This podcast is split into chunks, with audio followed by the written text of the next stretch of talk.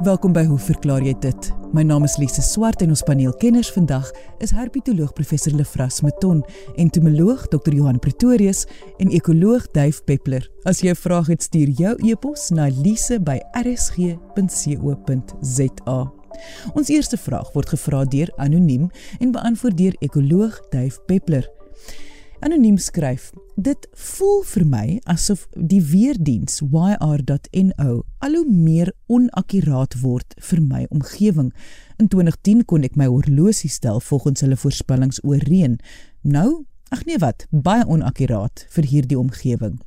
Dit wil vir my lyk of ons reënval elke jaar minder word, maar nie net by ons in Makanda, Grahamstown nie, Dis asof dit 'n strook is van ongeveer Port Alfred wat binneland toestrek wat ook Klebega se opvangsgebied insluit.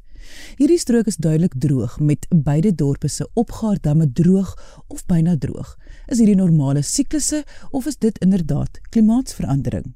Dave Peppler Ons is vuisvoors gepraat oor klimaatsverandering. Jy weet, dit kom al van so ver af en ons reaksie op die oomblik is ja, maar wat nou? Wat moet ons maak? Ja en. Nou ja. Meeste van hierdie menings en ek sê dit met diep respek is gebaseer op onkunde en toeganklikheid tot die wetenskap. Nou ja, ons praat heeldag dit dit is die aard van die program.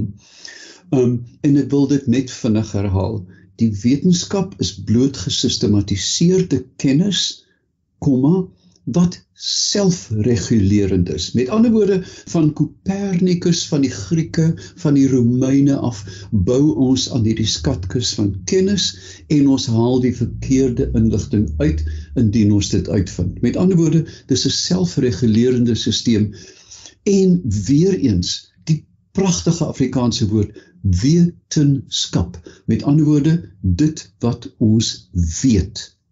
Wat die saak nog meer kompleks maak, is soos met geloof en dogma. Versprei sektoriese fakties. Die oomblik as dit begin sleg gaan, as dit goed gaan, bid ons minder as wat dit sleg gaan en ons kla minder. Ehm um, maar wanneer daar 'n krisis kom, dan verskyn daar 'n hele klomp teorieë en stellings oor goed wat ons eintlik min van weet. In terme van voorspelling As ons sê jy's verkeerd of jy's reg, is die kans 50%. Jy's of reg of verkeerd. En ek wil net hier die voorbeeld van my oupa aanhaal, oupa Boy wat kens geword het en by ons gebly het. En elke oggend van sy laaste 8 of 9 jaar het oupa op die stoep gaan sit, bewerig met sy kierie na muiskraal se kop gewys en gesê dit gaan vandag reën. Dan het ons gewoon lag, oupa, dis Desember, dit kan nie reën nie. Dat hy net stil gebly. Maar die hemel help jou die dag as dit gereën het, het hy geskree ek het mos gesê dit gaan reën. So een of ander tyd is ons almal reg. Maar dan moet ons 'n bietjie kyk na wat wat is die feite? Wat is die bewese feite oor klimaatsverandering? En dit is wat die wetenskap sê.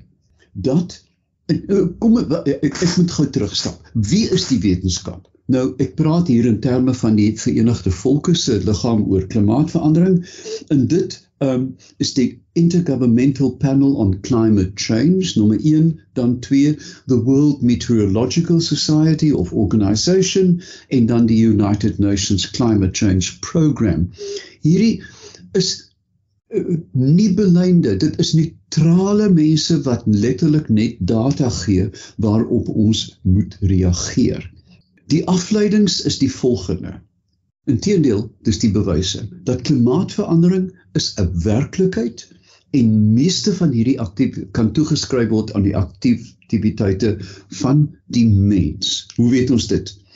Ons weet dit omdat die die vlakke van van kweekhuisgasse binne die atmosfeer 'n direkte verband hou met die gemiddelde temperatuur. Met ander woorde, hierdie is meetbare parameters sedert die industriële revolusie byvoorbeeld is hierdie tendens hierdie tendens altans kristalhelder.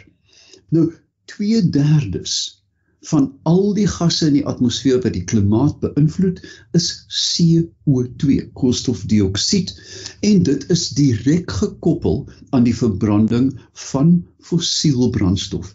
Die data kan nie meer duidelik as dit wees nie.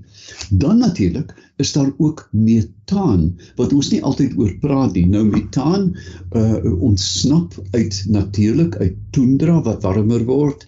Dit is 'n byproduk van diereproduksie. Ons weet dat beeste, veral beespoedery, dat hulle baie metaal as winde opbring vooruit nie agteruit nie. Um en dat daar groot metaanlekkasies is veral in die Midde-Ooste waar um daar na aardgasse geboor word. Nou ons kan metaan pak en metaan is die maklikste een. CO2 as ons nou almal op 'n ry en ons ry net fietsse gaan dit dalk 'n invloed hê, maar ons kan dit nie doen nie, maar ons kan veel doen aan metaan.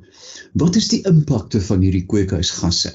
2019 was die gemiddelde temperatuur 1,1 graad Celsius hoër as die industriële revolusie. Mense sê, "Ag, hemel, dis nie eers aanvoelbaar nie. Wat is 1.1?" In terme van 'n moet moet ek dit nou aanhaal? 'n Gaia organ, um, organisme 'n vervlegte atmosfeer is 1.1 graad ontsaglik baie. En ons dink byvoorbeeld aan die temperature op 'n koraalrif. Dit is een van die mees stabiele omgewings op aarde. Dit wissel met met 1 met 1/10de van 'n graad per jaar. Geen wonder dat 1.1 graad die groot die Great Barrier Reef van Australië uh aan dit uh, uitwis is nie. Nou ja, 2019 was die jaar wat ons werklik kon meet hoeveel ys gesmelt het op die pole, hoeveel hittegolwe daar is en hoeveel die seevlak gestyg het. Weereens sê ons, ag hemel, wat is 'n sentimeter of 2? Afhangende van die vloerprofiel van die van die see naby die kus, kan 1 of 2 sentimeters jou huis onder water kry.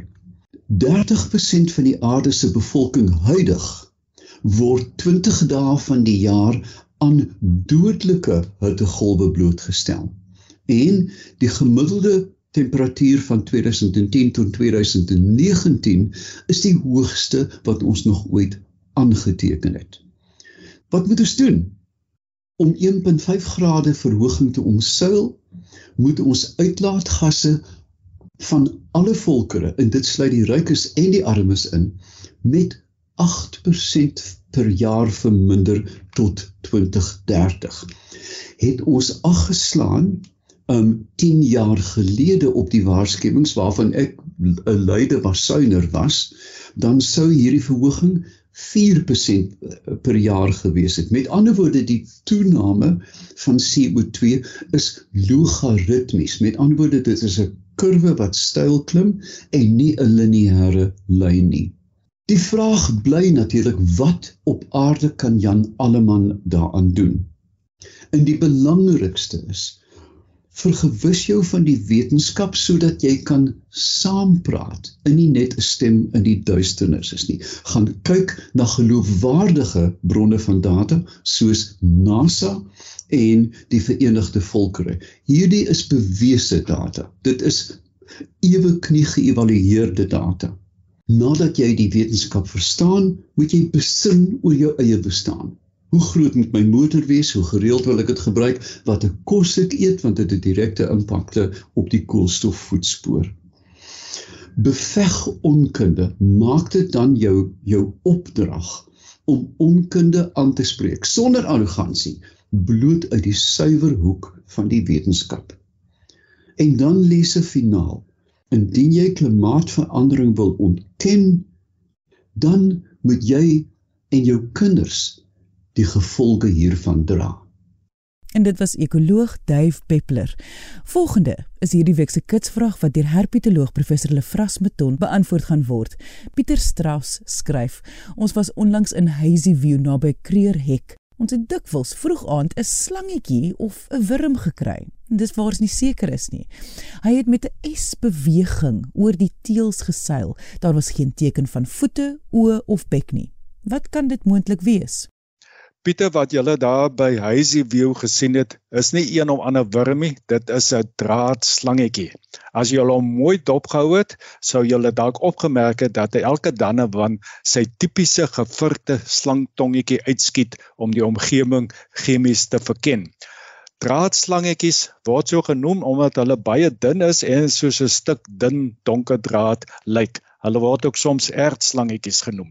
Hulle bereik lengtes van so 10 tot 40 cm en die familie Leptotyphlopidae waartoe hulle behoort, sluit die wêreld se kleinste slangetjie in, die Barbados draadslangetjie wat net 10 cm lank word. Kyk maar op 'n liniaal, dit is baie kort en dan is hy nog baie dun ook.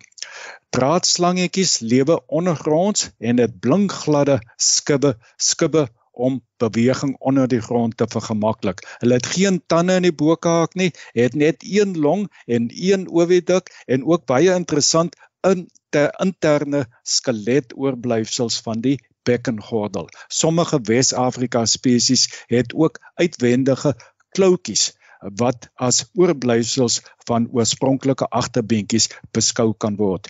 Die liggaam is silindries met 'n stomp kop en 'n kort stert uh, met 'n stekeltjie aan die agterpunt by sommige soorte. Die maagskibbe is nie vergroot soos by slange wat boogronds lewe nie. Nou hierdie slangetjies is nie giftig nie. Hulle kan nie byt nie, maar 'n prik deur daardie sterk stekeltjie uh, van die soorte wat dit besit veroorsaak 'n onaangename sensasie. Die mond sit effe onder die kop en die oë is gereduseer en met kopskubbe bedek. Geen wonder Pieter hulle kon nie 'n mond of oë sien nie. Daar's so ongeveer 120 van hierdie slangetjies bekend. Hier in Suid-Afrika kom daar 10 soorte voor.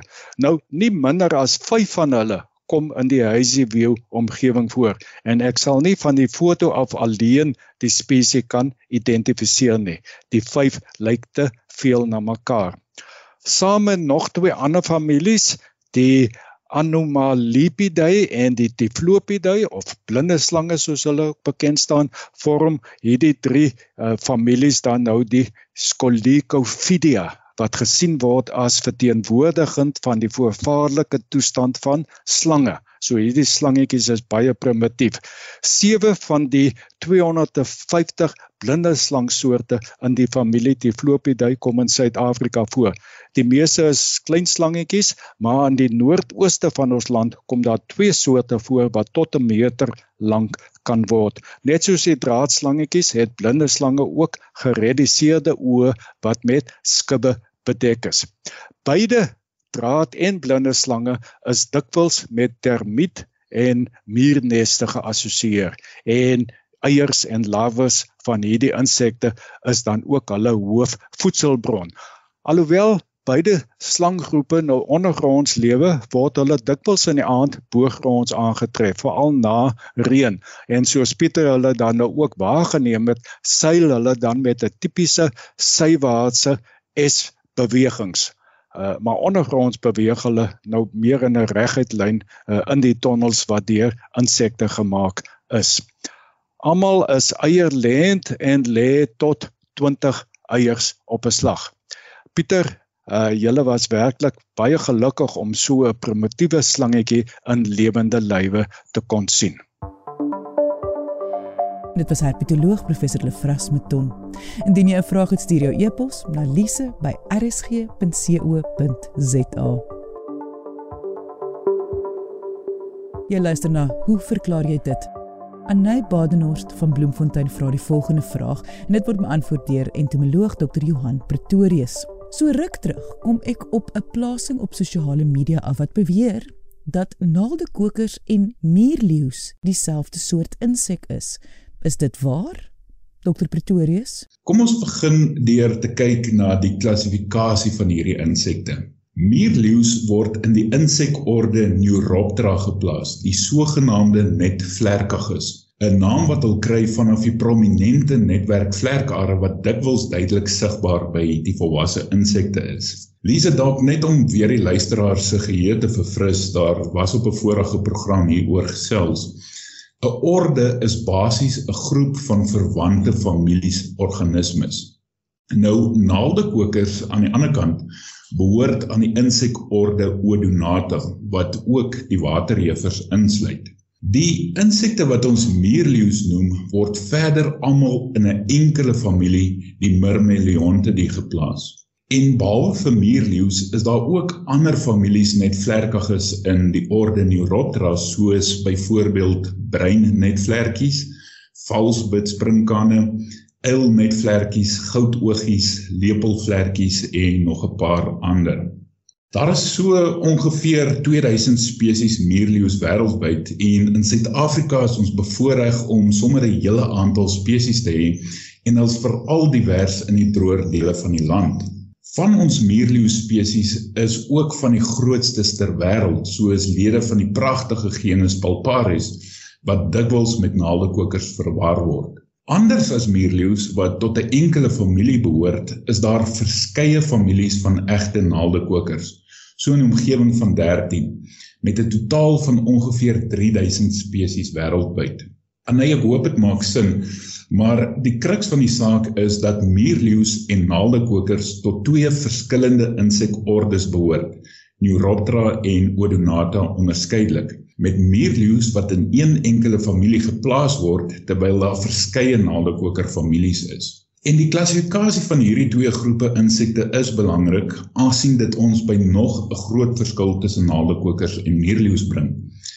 Naaldekokers ondergaan onvolledige metamorfose. Met ander woorde, daar is geen papie stadium nie, terwyl muurleeu's volledige metamorfose toon met 'n papie stadium wat wel voorkom. Hierdie verskil in gedaantewisseling tussen die twee groepe insekte is op sigself 'n aanduiding dat hulle nie baie naverwant aan mekaar is nie. Aansien daardie insekordes wat volledige gedaantewisseling ondergaan met 'n papie stadium teenwoordig as meer gevorder beskou word. So kom ons kyk bietjie na die onvolwassenes van hierdie twee groepe. Die onvolwasse stadia van beide muurleeu's en naaldekokers is vername predatore van ander insekte en geleedpotiges, maar hul verskil in hul onderskeie habitatte asook hul manier van jag en voeding. Larvale muurleeu's is landlewend en ek is seker baie van die luisteraars is bekend met hierdie onvolwasse insekte wat ook in die volksmond bekend staan as julies of molletjies. Die larwes van sommige spesies grou 'n tregtervormige pitval in losgrond, gewoonlik waar dit beskut is teen die elemente, wat se doel is om prooi soos mure te vang as hulle daarin beland. Die larwes posisioneer hulself dan aan die onderkant van hierdie vangtregter waar hulle versteek onder die grond vir hul prooi wag. Sodra 'n prooi item in die tregter val, sal die larwes hul koppe gebruik om die prooi met sand te gooi wat keer dat dit vasdra plek teen die wande van die vangtregter kry en sodoende kan ontsnap. Die muurleeu larwes gryp dan die prooi met hul skerp sekelvormige monddele en verteringsensieme word deur 'n kanaaltjie van hierdie monddele in die prooi ingespuit. Vertering geskied dus ekstern van die muurleeu larwe se liggaam en die verteerde prooi-inhoud word dan meestal as vloeistof uitgesuig totdat net 'n leë gesuigde dop oorbly. Hulle het dus grypend suigende monddele en volg basies 'n vloeistof dieet.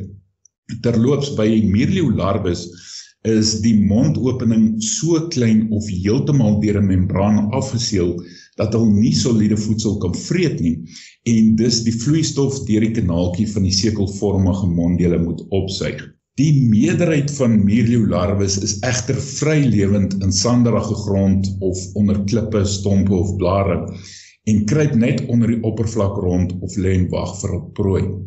Die larwes van sommige spesies sal soms selfs bo op die grondoppervlak jag maak op ander insekte. Mirio larwe se sig is egter redelik swak aangesien hulle net enkelvoudige oë het wat op kort steeltjies of uitsteeksels aan die kant van die kop geleë is en hulle maak eerder staat op vibrasies van hul prooi om dit op te spoor. Larvale mierleeu's verskil so in 'n omgewing van 3 keer en pipeer dan onder die grond in 'n kokon gespy van gespin van sy en wat deur sandkorreltjies bedek is vir kamouflering. Nou in teenstelling met muurleeu larwes is naaldekoker nimfe aquaties of semi-aquaties, met ander woorde waterlewend of semi-waterlewend.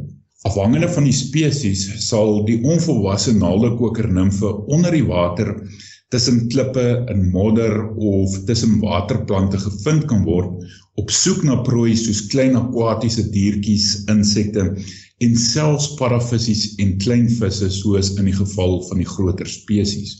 Die onderlip of labium van hierdie nimfe is omvorm in 'n grypmasker wat blitsig kan uitskiet om prooi te gryp.